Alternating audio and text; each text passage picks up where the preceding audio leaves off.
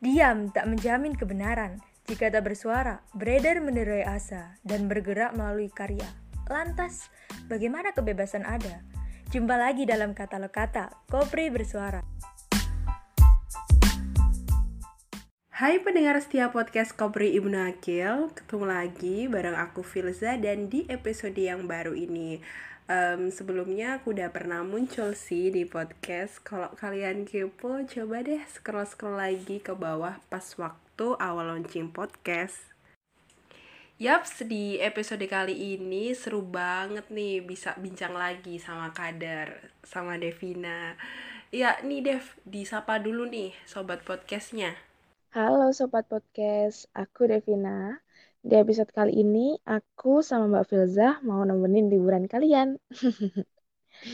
Iya nih, efek liburan nggak ke mana-mana ya Dev ya? Ini di rumah aja, banyak ngebutnya.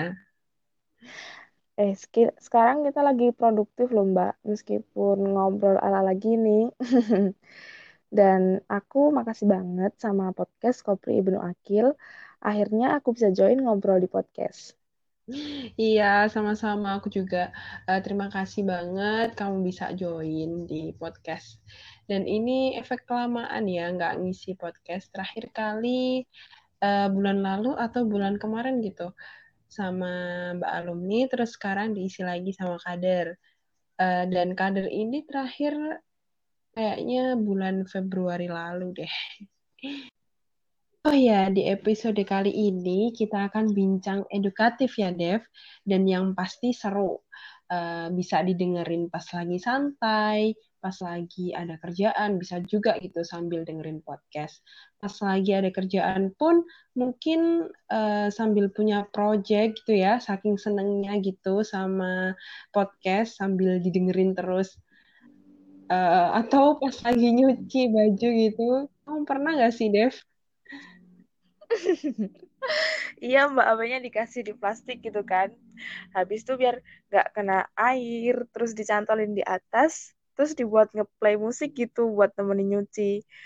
Nah mungkin teman-teman yang punya kebiasaan kayak gitu sekarang di move aja ya lagunya jadi ngedengerin podcast. Bisa aja kamu. Eh tapi kan sekarang lagi musim liburan ya. Banyak waktu gabut nih pastinya ya untuk nemenin pas lagi produktif atau pas lagi gabut bisa juga. Ya kan? Yaps kita mau bincang apa nih Dev? Tentang kita mbak. Tentang si makhluk perempuan.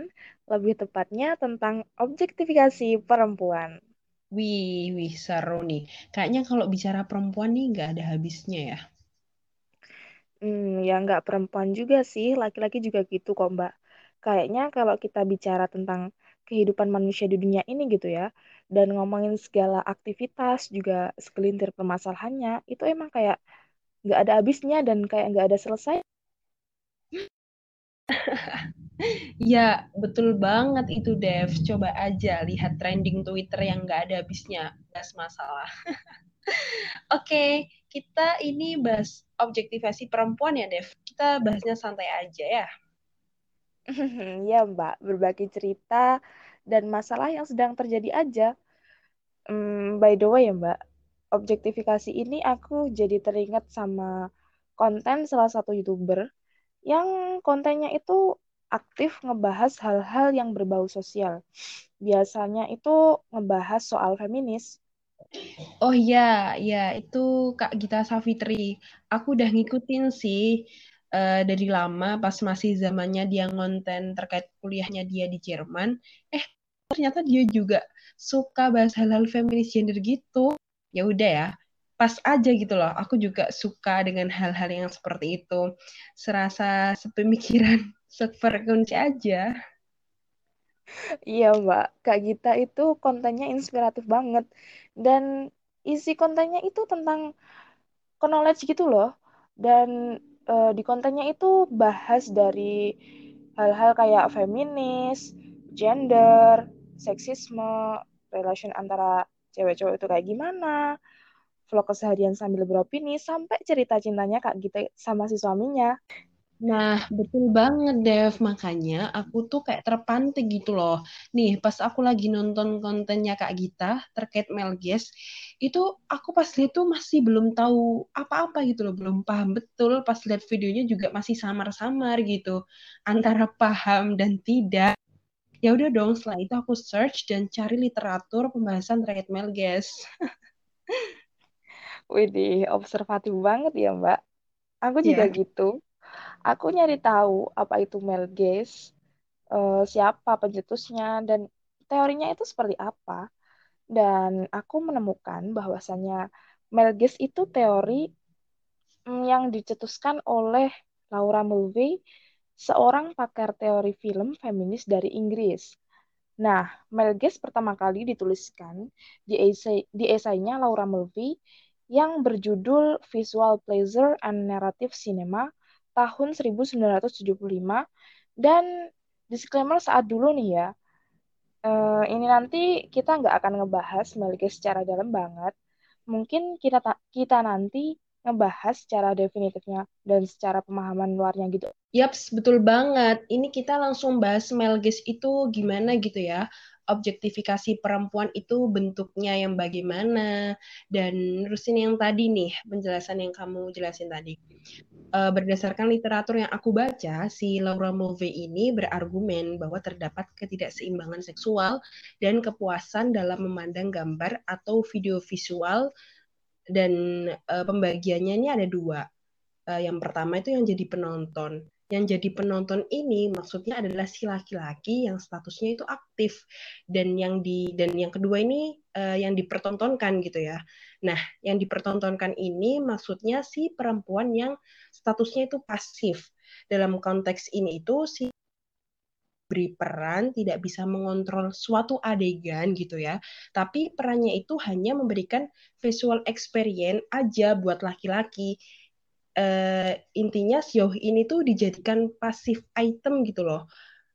Untuk dipertontonkan atau sebagai objek pemuas tatapan laki-laki atau yang dimaksud dengan si male gaze ini. Hmm, nah, betul banget itu. Seperti halnya kalau kayak film barat gitu ya. Mungkin teman-teman kalau pernah lihat film Bollywood, entah itu genrenya action atau romance atau apa pun lah itu, pasti kalau ada adegan cewek cowok gitu ya di, di situ kayak pasti si perempuan itu lebih disorot banget gitu. Nah ini kayaknya memang industri perfilman Hollywood itu masih belum sepenuhnya bebas dari malges ini. Nah, iya, mungkin tuh karena memang Hollywood ini kan industri perfilman yang digerakkan oleh laki-laki gitu ya kebanyakan laki-laki. Jadi memungkinkan uh, muncul asumsi bahwa si para laki-laki itu membuat target produksi filmnya untuk laki-laki. Jadi ceritanya itu untuk laki-laki, ya untuk laki-laki gitu. Ya namanya juga industri ya, pastinya gitu tahu caranya supaya produksinya ini bisa laris gitu di pasaran. Dan mereka juga paham gitu sama laki-laki biasanya tahu bagaimana cara memenuhi fantasi laki-laki terkait perempuan dalam pandangannya gitu loh, Dev ya sejauh ini banyak juga gitu film Hollywood yang kayaknya ada peran cewek yang di situ kerap kali lebih apa ya mempertontonkan lekuk tubuhnya si cewek uh, lewat point of view-nya si karakter cowok dan hal itu kayak seolah-olah di forward gitu loh ditampilin diteruskan ke penonton berdasarkan point of view-nya si laki-laki. Nah, itu tuh yang dimaksud.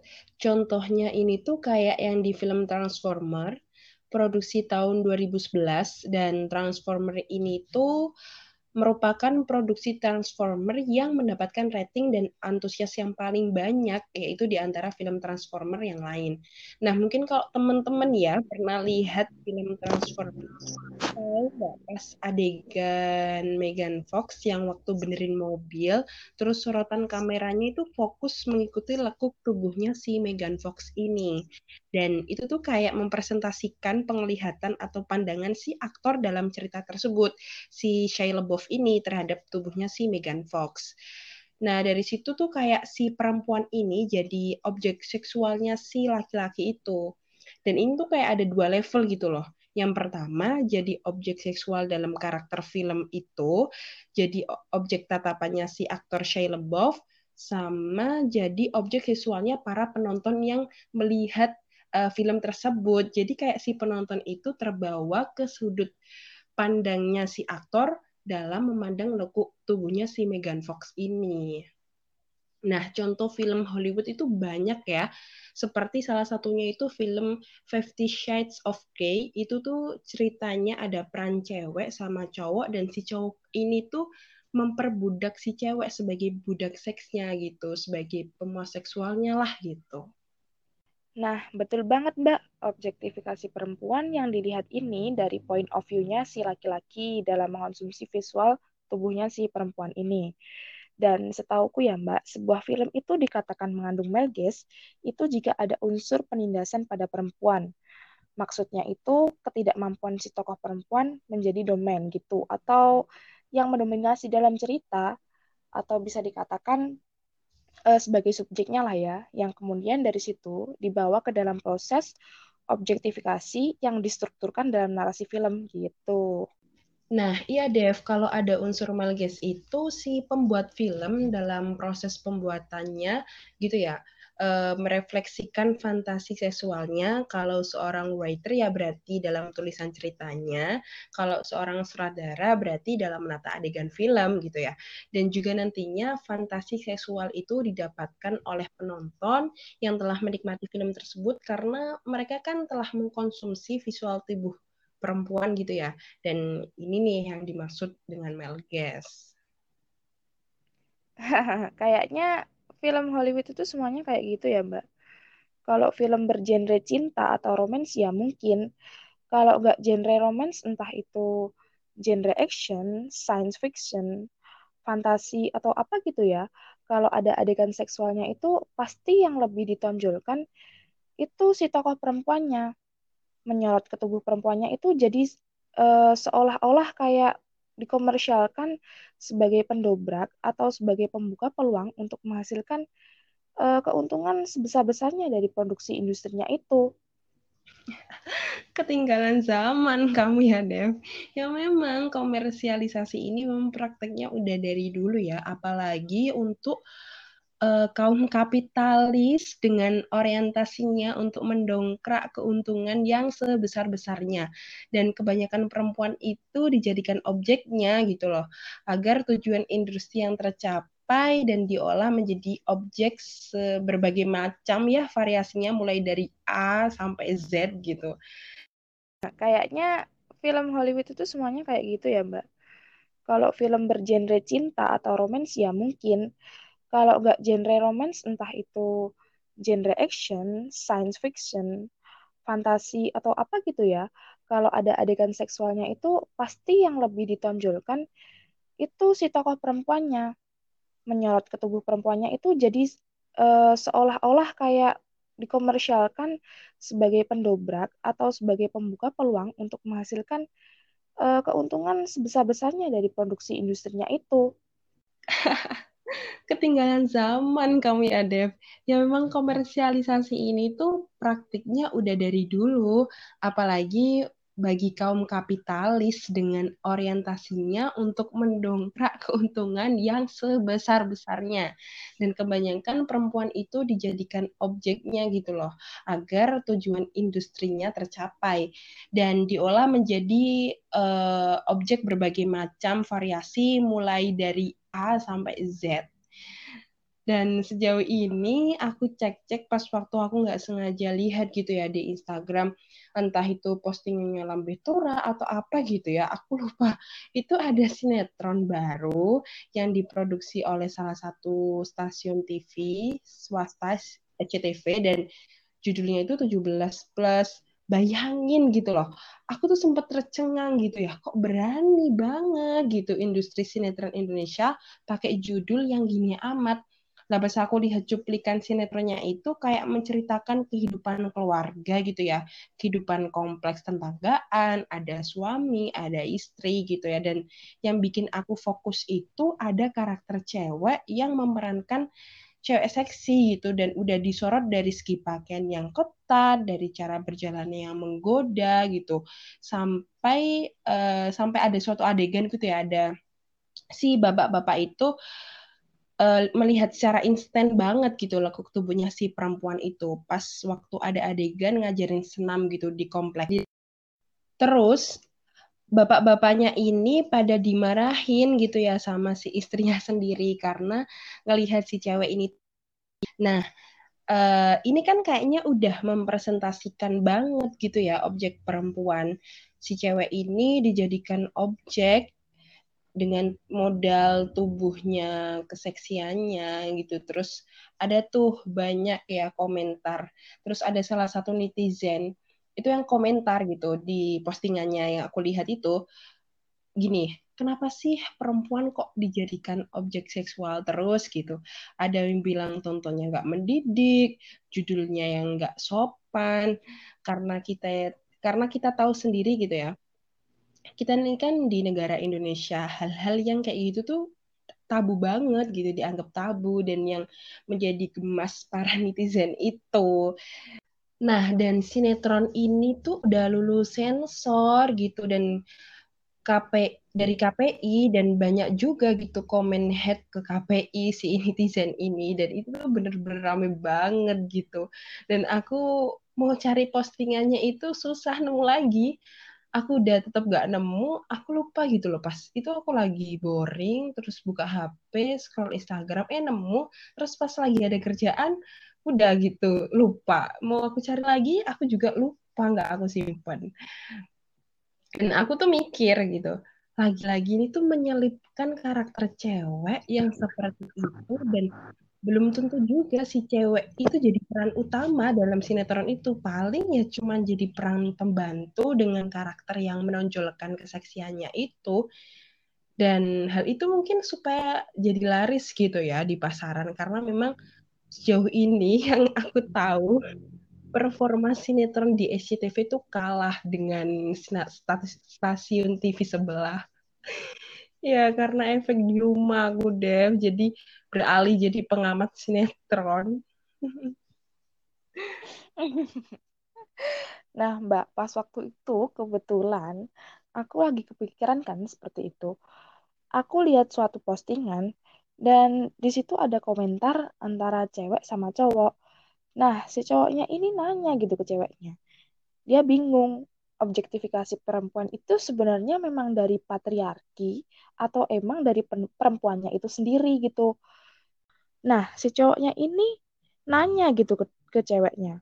Dia bingung objektifikasi perempuan itu sebenarnya memang dari patriarki atau memang dari perempuannya itu sendiri gitu. Si cowok ini tuh kayak nggak terima gitu loh. Kenapa kok yang disalahin dalam patriarki itu cowok mulu? Kenapa nggak dilihat dari si ceweknya ini? Memang sengaja atau tidak mengobjekkan tubuhnya atau nggak mengobjekkan tubuhnya secara rela gitu. Nah, dari situ aku setuju sama pendapat si cowok ini. Kadang memang kita harus mengontrol diri gitu ya kan ya, Mbak. Dalam artian kita harus memiliki batasan, setting boundary gitu. It's okay, I agree with this. Otoritas seseorang dalam mengeksplorasi bentuk tubuhnya itu hak masing-masing orang gitu kan ya. Berhak mau diapain aja gitu tubuhnya. Tapi kita harus tahu impact-nya mungkin saat kita upload foto terbuka di sosmed dengan dikonsumsi oleh banyak orang dan berbagai kalangan, kita tidak tahu kalau suatu saat uh, salah seorang dari mereka itu punya niatan jahat. Kita nggak bisa ngontrol orang itu juga. Nah, itu yang nantinya bisa jadi hal buruk yang terjadi pada diri kita. Nah, iya, dan itu tuh nggak berlaku ke cewek aja gitu ya kan, Dev. Cowok juga kita, uh, ya cewek cowok lah, semua itu harus punya setting bondering, harus punya kontrol diri. Cewek cowok harus punya, karena kalau kita menyalahkan ke patriarkinya itu ya nggak ada selesainya gitu loh. Kontrak sosial yang udah terinternalize ini, mendarah daging banget, ini tuh agak susah memang dirobohkan. Dan lagi-lagi yang menjadi alternatifnya itu pemahaman dan take actionnya kita. Kita harus uh, ambil contoh lah. Kadang kalau dalam kasus pelecehan seksual laki-laki, pelakunya itu yang disalahin. Tapi mereka ini punya dalih gitu, nyalahin balik ke korban atau si perempuannya ini. Aku juga nggak setuju nih Mbak sama yang dalihnya pelaku pelecehan seksual itu. Ya kali karena pakaian terbuka atau rayuan. Kalau seperti itu, kenapa masih banyak korban pelecehan seksual anak kecil di bawah umur, perempuan berhijab tertutup, bahkan nenek-nenek tua pun ikut jadi korban gitu loh mbak. Bayangin, kayaknya dari statement yang seperti itu nggak bisa dibuktiin gitu loh mbak kebenarannya. Sebenarnya budaya patriarki juga kadang ikut andil gitu di dalamnya. Entah stigma yang menganggap bahwa perempuan itu lemah, menawan atau memikat, lebih rendah levelnya daripada si cowok, menganggap perempuan itu bodoh, polos, nggak tahu apa-apa, sehingga dari mereka itu merasa lebih berkuasa dan leluasa untuk bertindak dan mengobjektifikasi hingga terjadilah pelecehan seksual. Nah, iya, Dev. Perempuan zaman sekarang ini itu kayak semacam komoditas yang secara tidak langsung memajukan ekonomi gitu loh. Nilai jualnya ya tinggi, uh, apalagi di pasaran bisnis yang dimanfaatkan di industri bidang visual gitu ya atas paras dan kemolekan perempuan sampai-sampai produk kecantikan hingga saat ini tuh grafik penjualannya itu terus stabil uh, dan stabil itu ke atas lah ya. Gitu karena konsumennya ini memang gemar gitu loh membeli produk sebulan sekali ya kali ini si skincare ini. Dan si ciwi-ciwi ini tetap merawat kulit tubuh dan wajah agar tetap cantik.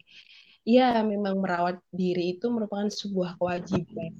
Nggak munafik ya aku sendiri pun skincarean gitu loh meskipun kadang masih jelek-jelek kayak gini ya tetap skincarean cuman yang jadi masalah itu si perempuannya ini nggak bisa ngontrol nggak bisa ngontrol diri diri gitu loh seenaknya eh, seenaknya seorang bisa dengan mudah mengobjekkan dirinya atau mereka sendiri secara sukarela gitu mengobjekkan diri mereka untuk eh, meraup uang sebanyak-banyaknya. Itu yang jadi masalah sebenarnya. Iya mbak, sampai-sampai para selebritis dan influencer ini pada gencar gitu bikin produk skincare. Ya tujuannya untuk mendobrak pasaran saat ini gitu kan ya. Sampai tiba-tiba secara nggak sadar, banyak banget gitu ternyata produk skincare dalam negeri, mulai dari A sampai Z, yang terkenal dulu-dulu mungkin aku masih tahu ya, yang baru-baru ini loh yang mungkin namanya tuh kayak nggak asing namanya tuh masih asing gitu loh dan ternyata produknya itu buatan Indonesia itu viral dan rame banget gitu di Instagram di TikTok pada ngiklan-ngiklan artis atau influencer buka endorse gitu kan ya Nah, emang enak sih, Dev, jualan skincare itu.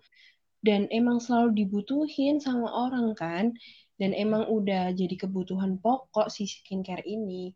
Gimana kalau kita buat skincare gitu ya? skincare Capri Ibnu Akil gitu ya, menyedia menyediakan berbagai skincare untuk wajah dan body care.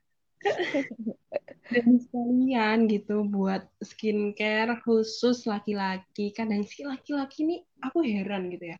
Kayak enggak lega gitu.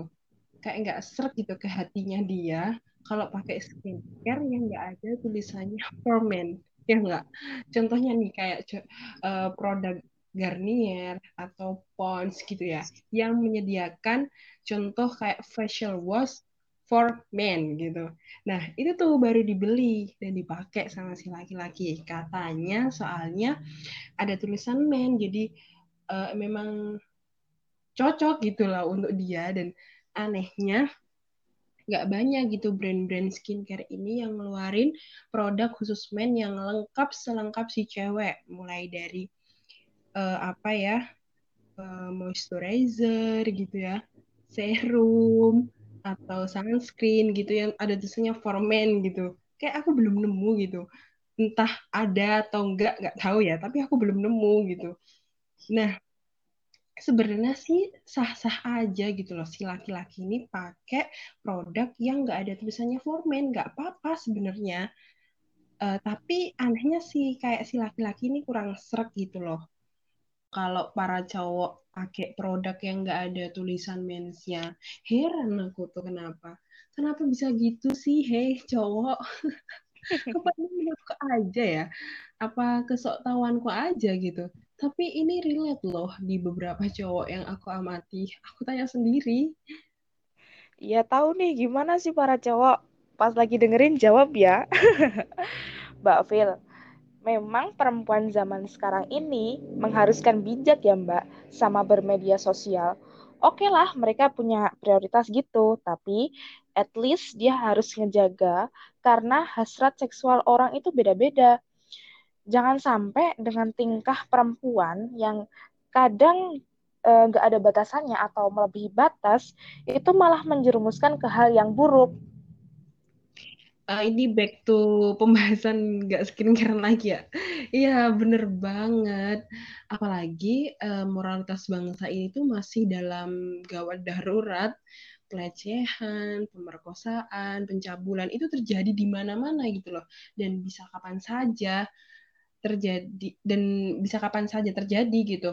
Nah, pelakunya pun bervariasi, bukan lagi dari background orang yang uh, buruk gitu tapi beralih ke orang yang berbackground baik uh, entah itu guru, akademisi, bahkan ustadz pun kalau para cowok pakai produk yang nggak ada tulisan mensnya, heran aku tuh kenapa. Kenapa bisa gitu sih, hei cowok? Apa menurutku aja ya? Apa kesok tahuanku aja gitu? Tapi ini relate loh di beberapa cowok yang aku amati. Aku tanya sendiri. Ya tahu nih gimana sih para cowok.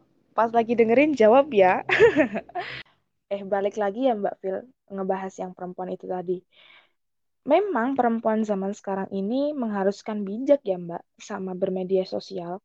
Oke lah mereka punya prioritas gitu. Tapi at least dia harus ngejaga karena hasrat seksual orang itu beda-beda gitu jangan sampai dengan tingkah perempuan yang kadang nggak ada batasannya atau di luar batas itu malah menjerumuskan ke hal yang buruk. Iya, bener banget. Apalagi ya, moralitas bangsa ini nih bangsa ini nih masih dalam gawat darurat gitu loh. Pelecehan, pemerkosaan, pencabulan terjadi di mana-mana dan kapan saja. Dan kadang ya, kejadiannya ini pelakunya tuh bervariasi, bukan lagi dari yang buruk atau yang nggak baik gitu ya.